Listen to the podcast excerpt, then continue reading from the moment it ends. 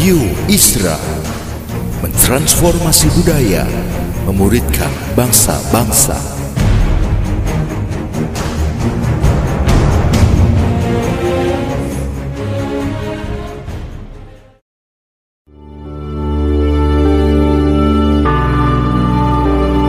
Apostolic Prophetic Messages mengungkapkan pesan dan arahan dari hati Tuhan bagi gerejanya demi menuntaskan mandat kerajaan Allah di Indonesia dan bangsa-bangsa. Selamat mendengarkan.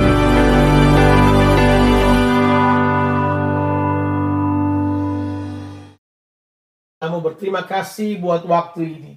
Berterima kasih buat anugerahmu kami bisa berkumpul kembali di dalam uh, pertemuan kami sekalipun lewat online tapi kami bersuka cita karena kesempatan di mana kami bisa bisa bisa connected lagi Tuhan dan kemudian kami mau mendengarkan kebenaran firman-Mu.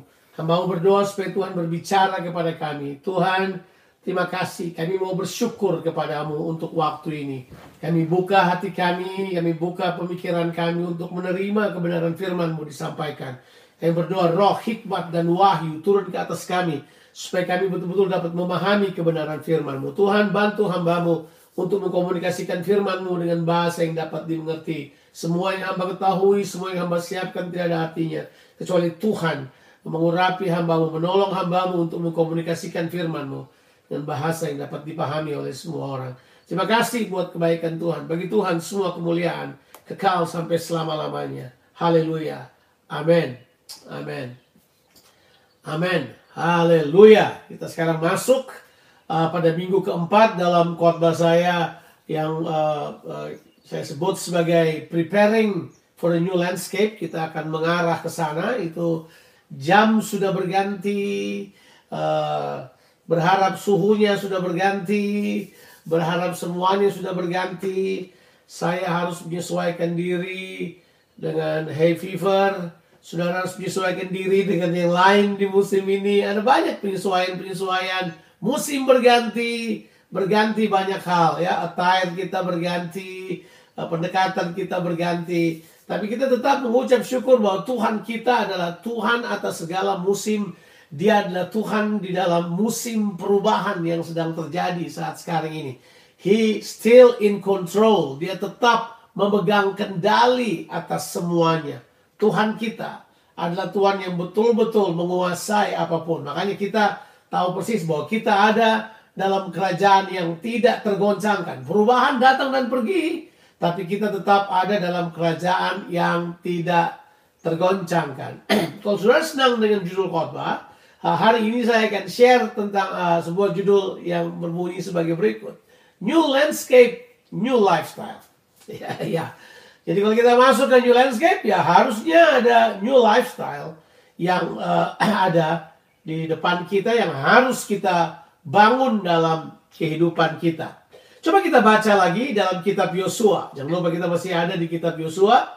Kita akan baca Yosua pasal 3 karena yang minggu lalu saya membahas Yosua 1 sampai pasal 5. Saya membangun sebuah narasi buat saudara, tapi hari ini saya mau kita membaca Yosua pasal 3 kita membaca ayatnya yang ke ayatnya yang boleh ayat yang pertama sampai ayatnya yang ke-6 ya. Kita akan baca Yosua pasal yang ketiga ayat yang pertama sampai ayatnya yang ke-6. Coba saudara perhatikan ayat-ayat tersebut. Saya akan konsentrasi nanti pada ayatnya yang keempat dan ayatnya yang kelima. Tapi kita baca saja seluruhnya untuk melihat seluruh yang dibangun dari narasi kitab Yosua ini.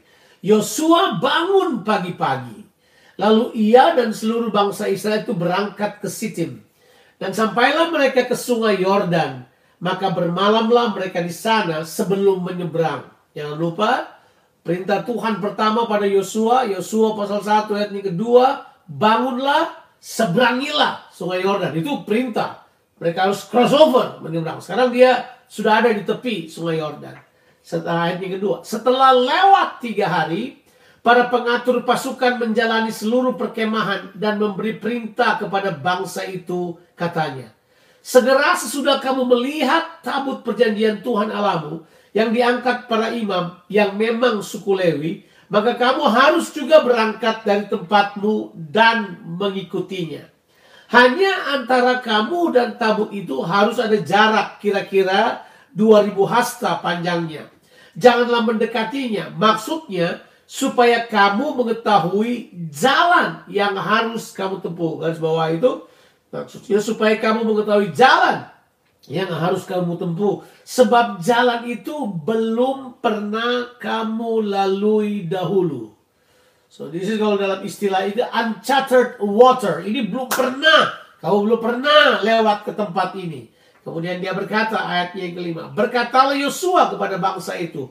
Kuduskanlah dirimu. Sebab besok Tuhan akan melakukan perbuatan yang ajaib di antara kamu dan kepada para imam itu Yosua berkata demikianlah, angkatlah tabut perjanjian dan menyeberanglah di depan bangsa itu. Maka mereka mengangkat tabut perjanjian dan berjalan di depan bangsa itu. Fascinating story. Ada kebenaran yang luar biasa yang kita mau pelajari dalam hal ini. Dalam rangka mempersiapkan diri kita masuk pada new landscape, new order, whatever you're gonna call it nanti. Kita tetap harus mempersiapkan diri kita untuk hal tersebut. Nah, ada beberapa hal yang perlu kita ketahui dari apa yang coba disampaikan di sini. Yosua beritahu buat mereka, yang pertama adalah ini. Kamu mesti tahu, kamu harus ikuti tuntunan Tuhan. Itu yang pertama. Kamu harus mengikuti tuntunan Tuhan.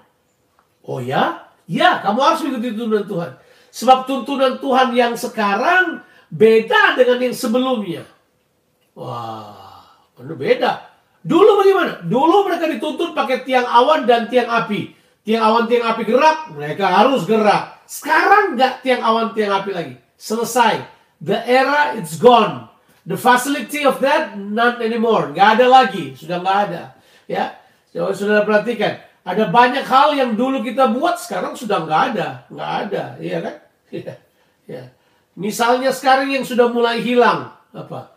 Di rumah siapa sih sekarang yang masih pelihara telepon rumah? Udah jarang kan? Udah jarang. Dulu kita di Australia itu mau mau cek apa yang dicek telepon rumah. Sekarang udah enggak, udah enggak.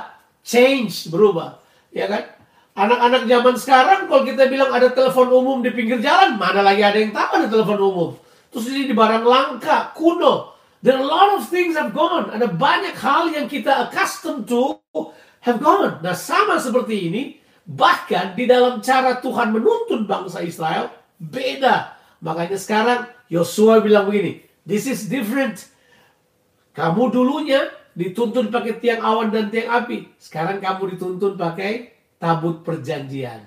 Sekarang hadirat Allah yang akan tuntun kamu. Terus dia beritahu yang kedua, kamu harus ingat, kamu harus tetap memperhatikan pergerakan yang dibawa oleh Tuhan. Sebab dia beritahu di sini. Karena, itu dibilang di ayat yang keempat, sebab jalan yang kamu akan tempuh ini belum pernah kamu lalui dahulu. Itu jelas ya. Jadi sebenarnya bangsa Israel itu di daerah muter-muter itu mereka udah tahu banyak sekali jalan di padang gurun. 40 tahun muter di padang gurun bagaimana caranya? Mereka pasti tahu lah. Iya kan? Saya ini baru baru 10 tahun ada di daerah West, tapi kayaknya kalau namanya daerah West, kayaknya udah udah boleh lah mau ditanya ke mana pun saya udah berani kejar, udah bisa. Ya, saya tinggal di daerah 10 tahun, ini mereka 40 tahun mondar mandir, so they know the road, they know the ways. Dan Tuhan berkata, kali ini enggak, beda bos. Yang sekarang kamu akan lalui ini baru, kamu belum pernah tahu sebelumnya. Hmm. Jadi dia bilang buat mereka gini, perhatikan, tuntunan sekarang kamu harus perhatikan baik-baik. Kamu tidak boleh mendahului, kamu harus di belakangnya kemudian lihat. Karena kamu belum pernah melalui hal ini. Ini kan sebuah sikap. Buat kita yang selalu mau mau jalan duluan, try to make it happen. Mencoba mendahului Tuhan, berupaya menunjukkan bahwa kita mampu. Hati-hati aja. Tuhan bilang, no, not the time bro. Because you haven't gone to this uh, road yet. This is uncharted water. Ini adalah bagian yang sama sekali belum pernah kamu lalui. So, perhatikan tuntunannya. Perhatikan tuntunannya. Hmm. Tapi kemudian dia berkata kepada mereka.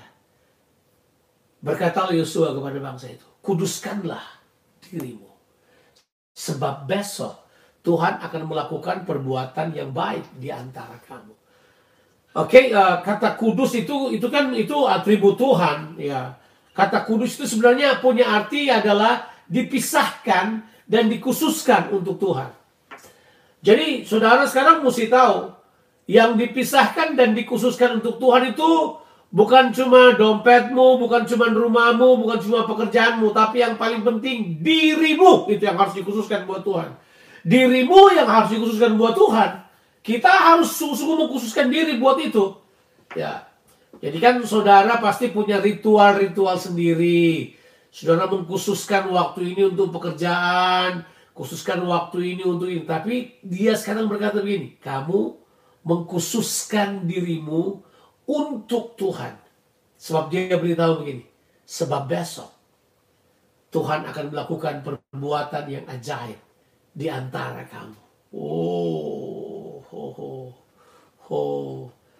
Jadi kemudian kita sadar mengkhususkan diri kepada Tuhan itu adalah preparing for the great things God will do to you. Kita mempersiapkan hal-hal besar yang Tuhan bakal kerjakan dalam kehidupan kita. Saya mau beritahu, orang semua bisa forecast semua yang buruk tentang kita. Orang bisa berkata nanti akan jadi lebih buruk, nanti bakal lebih parah. Kita kemudian uh, apa kita ini kita ini terbiasa main angka kan. Tiap hari yang kita mau dengar adalah angka. Berapa jumlah yang terpapar? 1400 kita grogi. Berapa yang terpapar? Turun dari 1100. Oh ada harapan. Kita kemudian main di angka aja. Kita diintimidasi oleh angka dan semuanya. Kita tidak pernah berpikir bahwa hey, itu semua boleh terjadi. But hello, ada Tuhan yang berkata, tomorrow I will do great things. Makanya kamu harus mengkhususkan dirimu untuk hal tersebut. Jadi kita harus membangun dalam diri kita sense of anticipation. Karena memang betul bahwa di depan ini kita belum pernah lalui. Kita belum pernah jalani itu semua sebelumnya. Nah makanya kamu harus tetap datang dengan sense of anticipation. Nah saya mempercayai. Sebenarnya kan kalau kita lihat analoginya ya. Itu sama dengan kita semuanya kok. Semua kita punya pengalaman ini. Makanya saya bilang eh, judul khotbah saya hari ini adalah New Landscape, New Lifestyle. Semua saudara masih ingat kan? Saudara pasti masih ingat lah. Udah mungkin saudara lupa ini. Atau mungkin kalau yang udah kelamaan di sini mungkin sudah lupa. Ya. mungkin Om Max sudah lupa ini. Tapi most of us masih ingat. Saya kurang lebih 17 tahun yang lalu, ya, ya 17 tahun yang lalu. 17 tahun yang lalu kita datang ke Melbourne. Waduh, datang ke Melbourne sama sekali ya walaupun ini Melbourne bukan new country buat saya karena apa maksudnya Australia bukan new country. Saya pernah tinggal bersekolah di Sydney selama kurang lebih hampir tiga tahun. Jadi kemudian saya wah, sedikit sedikit tahu lah nah, tapi ada banyak hal di mana kebiasaan-kebiasaan budaya saya dari Indonesia harus saya tinggalkan. Iya. Mari saya beritahu, yang begitu kita sampai yang membuat kita kelabakan. Yang pertama, hmm, no helpers. Nggak ada inem pak, itu pontang panting. Dan sudah tahu kita datang di sini dengan dua dua anak laki-laki ya. Satu berusia empat, satu berusia enam. Yang satu mau ya, satu mau empat, satu mau enam. Jadi kita datang sini, back dengan dua anak-anak. Nah sudah tahu anak-anak di usia kayak begitu, Rumah kita di Jalan 158 Balaklava, 151 Balaklava uh, Road itu di North Coffee itu itu masih rumah rumah pastori kan, rumah mensnya gereja. Itu anak-anak saya waktu datang ke itu, mereka masuk rumah dalam waktu sekitar 5-10 menit dari depan sampai belakang udah terbongkar, udah selesai. Begitu tuh bayangkan. Selain saya bayangkan uh, Ina, istri saya itu datang itu stres lagi. Kita menghadapi ada yang namanya culture shock. Kita shock dengan culture itu. Dan oh iya, kita cuma pikir ya kita berdua kan punya pikir ya pelayanan, pelayanan. Kita pikirkan pelayanan. Begitu sampai di sini, kita datang di sebuah gereja. Sebuah gereja yang uh, pertemuannya cuma weekend, nggak ada pertemuan yang lain. Nah kita di Indonesia ini dari Senin sampai Senin itu melayani. Wah tiap hari sampai di sini nggak ada. Jadi semua teduh, sepi, tidak apa-apa. Wah, itu shock, kaget, ya kan? Banyak sekali tabrakan. Tapi jelas kita harus belajar untuk, ah ini dia ini, meninggalkan yang di belakang kita. Karena yang bakal kita hadapi ini belum kita lalui sebelumnya. Sekarang kita datang, tanggung jawab baru, ketemu dengan orang-orang yang uh, ya, saya sudah pernah ketemu sebelumnya, tapi maksudnya kita kemudian harus membangun hubungan dan seterusnya kita mulai masuk kepada hal yang baru. Saudara juga begitu kan? Iya. Belum yang yang paling penting itu cara pikir yang berubah. Cara pikir yang mesti berubah terlebih dahulu. Kita tidak bisa bawa. Nah, saudara kan tahu ada ada orang yang sampai sekarang begitu, tahu nggak? Hidup di Australia, kenapa? Karena nggak rubah cara pikir. Tapi currency di kepalanya masih Indo, gitu. Hidup udah hidup di Australia, udah hidup di Australia. Ini bayangkan loh, ini ini bayangkan. Mau beli roti, ya kan? Roti kan ada beberapa. Uh, di Indonesia kan roti berapa sih? Uh, 6.000 perak kita makan roti, 7.500 makan roti enak pada waktu itu. Sekarang sih sudah lebih mahal. Bayangin kita beli roti, kita lihat harga rotinya 3 dolar 80. Kita nggak jadi beli. 3 dolar 80, kita bilang, ih mahal banget. Kita langsung kalikan sama uh, currency itu, kok mahal. Kita nggak jadi beli. Kenapa? Kita pikir itu mahal. Padahal enggak. Di sini tuh normal banget. Normal banget, natural. Terus kemudian kita, ya sekarang kita udah tertolong dengan shopping yang internasional kan. Kita online. Dulu mana mana ada yang kayak gitu, nggak ada. Kita dulu beli baju mesti lihat-lihat dulu, cari yang sale dulu. Baju begitu kita lihat, ya kita buka cek, kita lihat dulu harganya. Cerek 100 dolar, langsung kita buang. Padahal kita suka banget, kita nggak beli. Mengapa? Kita punya cara berpikir. Hidup di Australia, currency Indonesia. Rasain loh. Kita kemudian tersiksa terus. Kenapa? Karena pola pikir kita, kita nggak ganti. Saudara masih ketawa-ketawa, itu Olmex ketawa-ketawa terus. Karena memang begitu orang berubah. Nah kita kemudian mulai belajar. Saya bersyukur ya, saya bersyukur ada orang-orang ya, ya orang-orang di Cofield di mana dulu yang menolong kita untuk lewati transisi ini masuk di di perubahan-perubahan yang terjadi. Tapi kan itu adalah hal yang terjadi buat kita. Nah saya percaya sama juga waktu kita masuk nanti di yang saya sebut new landscape. Ada hal-hal yang lama yang tidak bisa kita pertahankan, harus kita buang.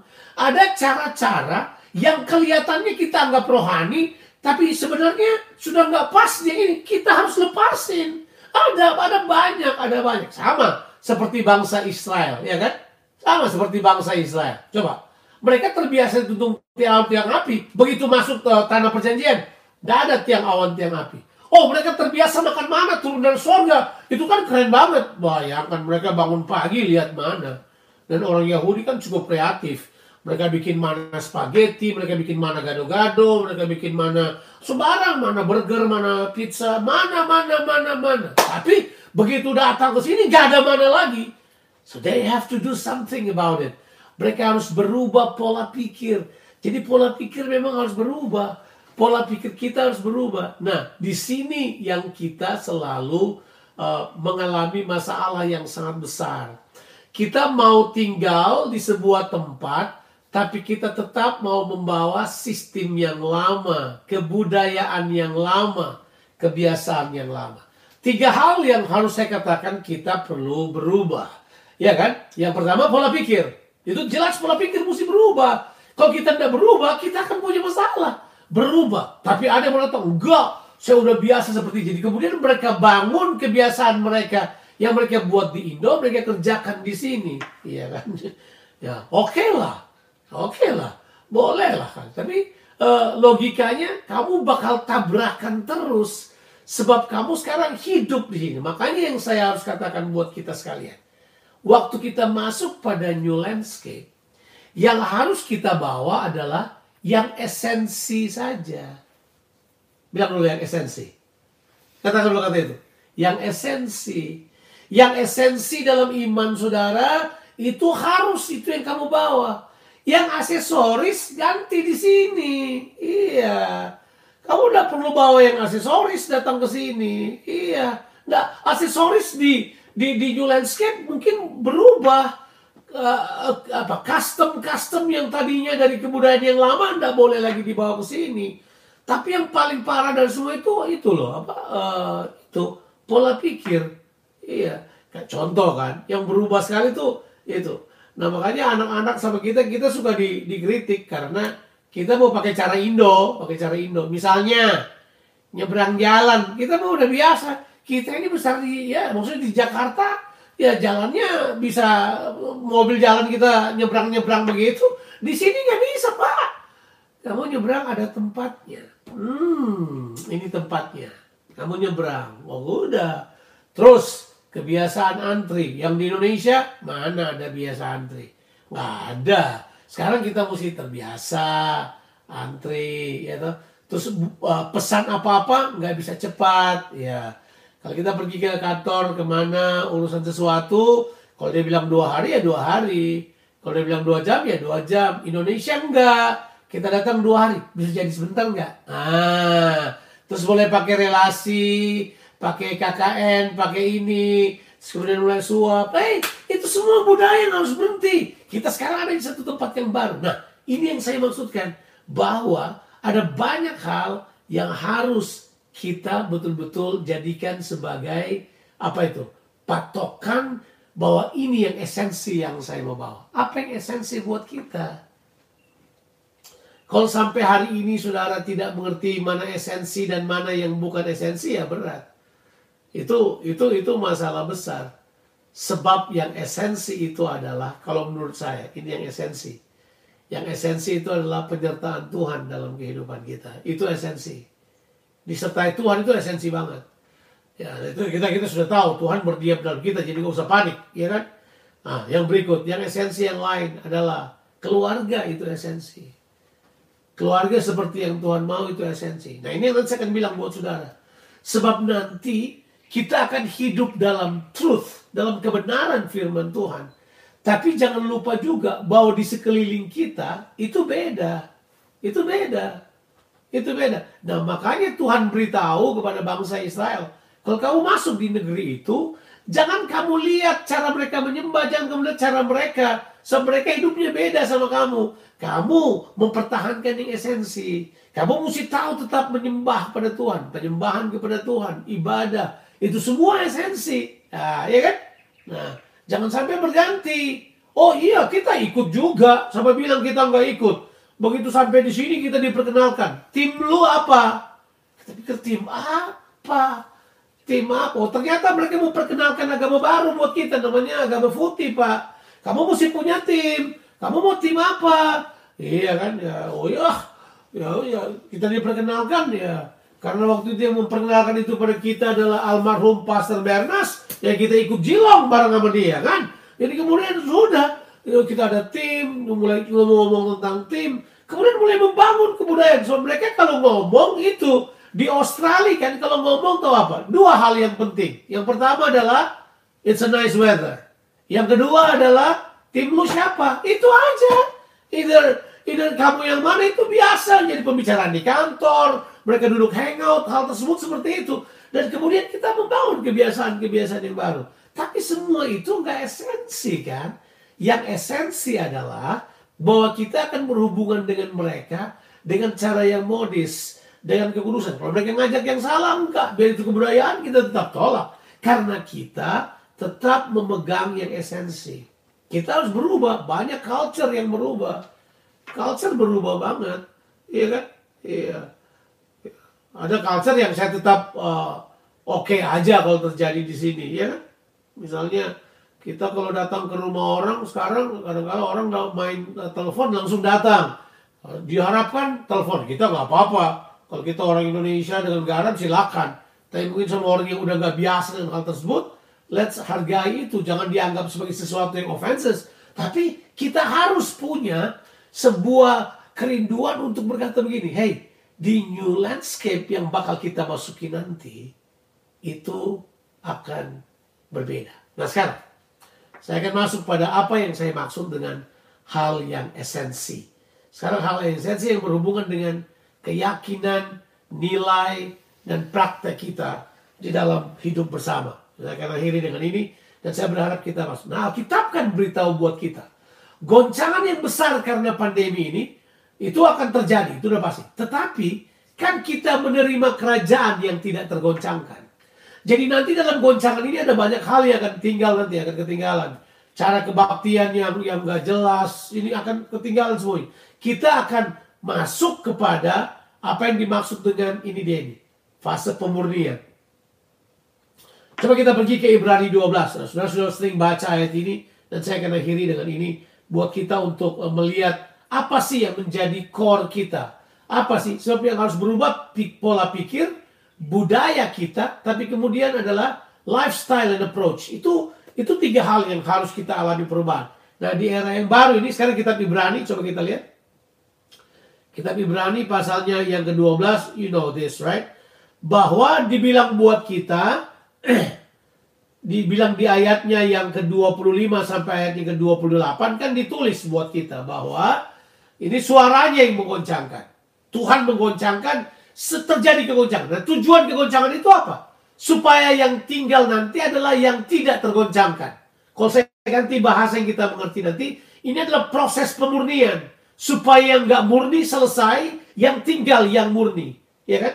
Yang tinggal yang murni. Jadi semua yang gak murni ya hancur. Semua yang tergoncangkan runtuh. Yang tinggal menetap ini adalah kerajaan yang tidak tergoncangkan.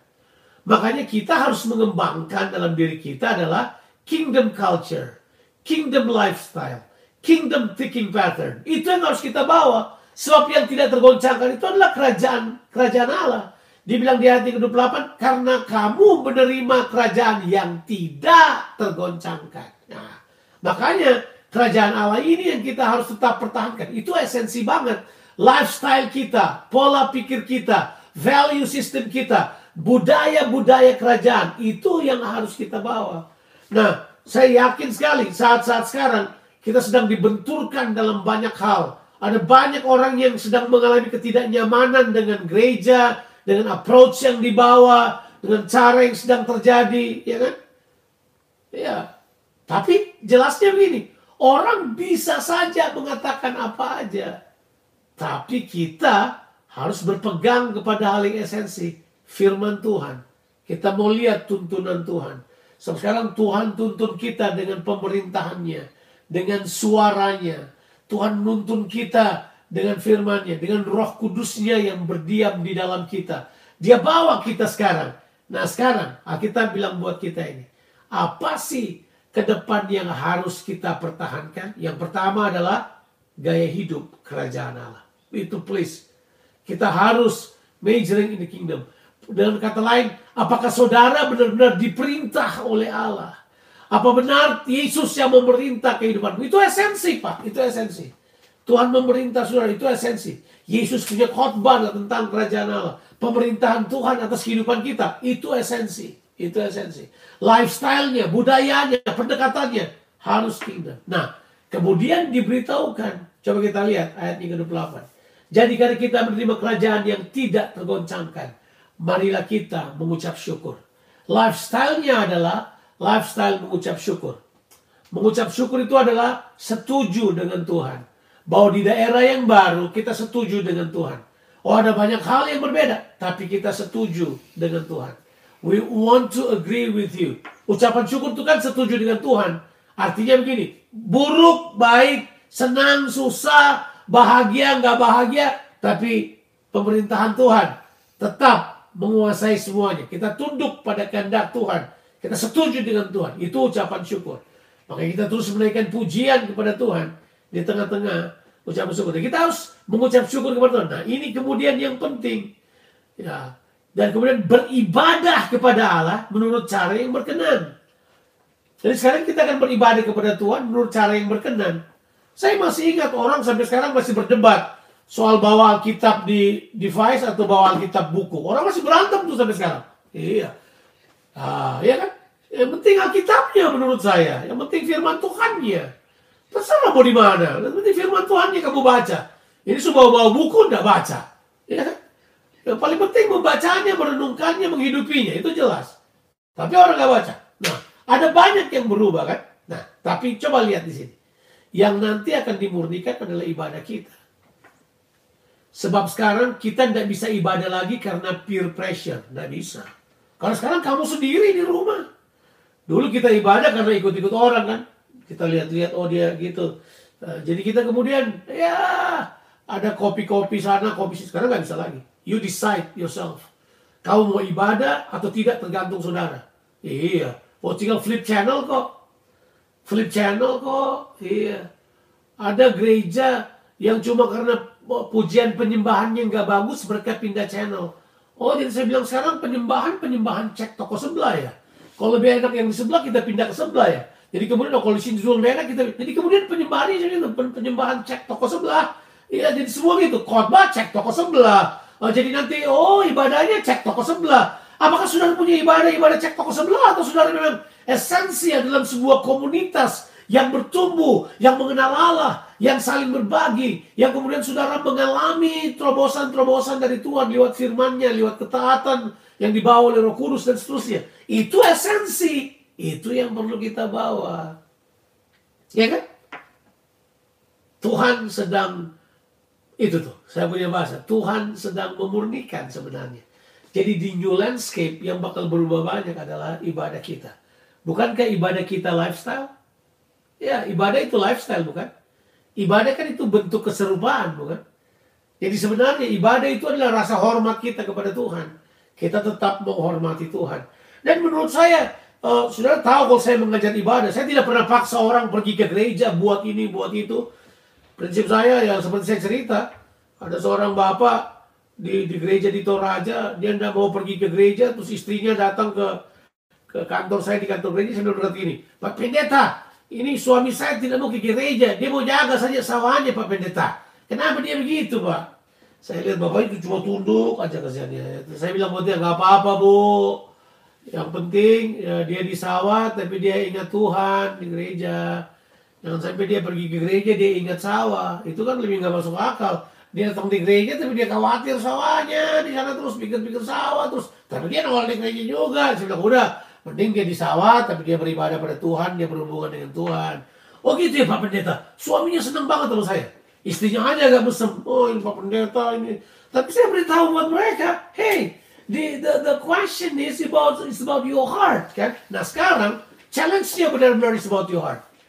Kalau saudara tidak mau ibadah sekarang, saudara tidak suka, ya saudara matiin aja. Atau saudara datang, sekarang kan kelihatan aja. Saudara punya no, no, apa screenshot saudara muncul, tapi saudara lagi minum kopi, saudara lagi jalan-jalan, saudara pergi belanja dulu di Coles.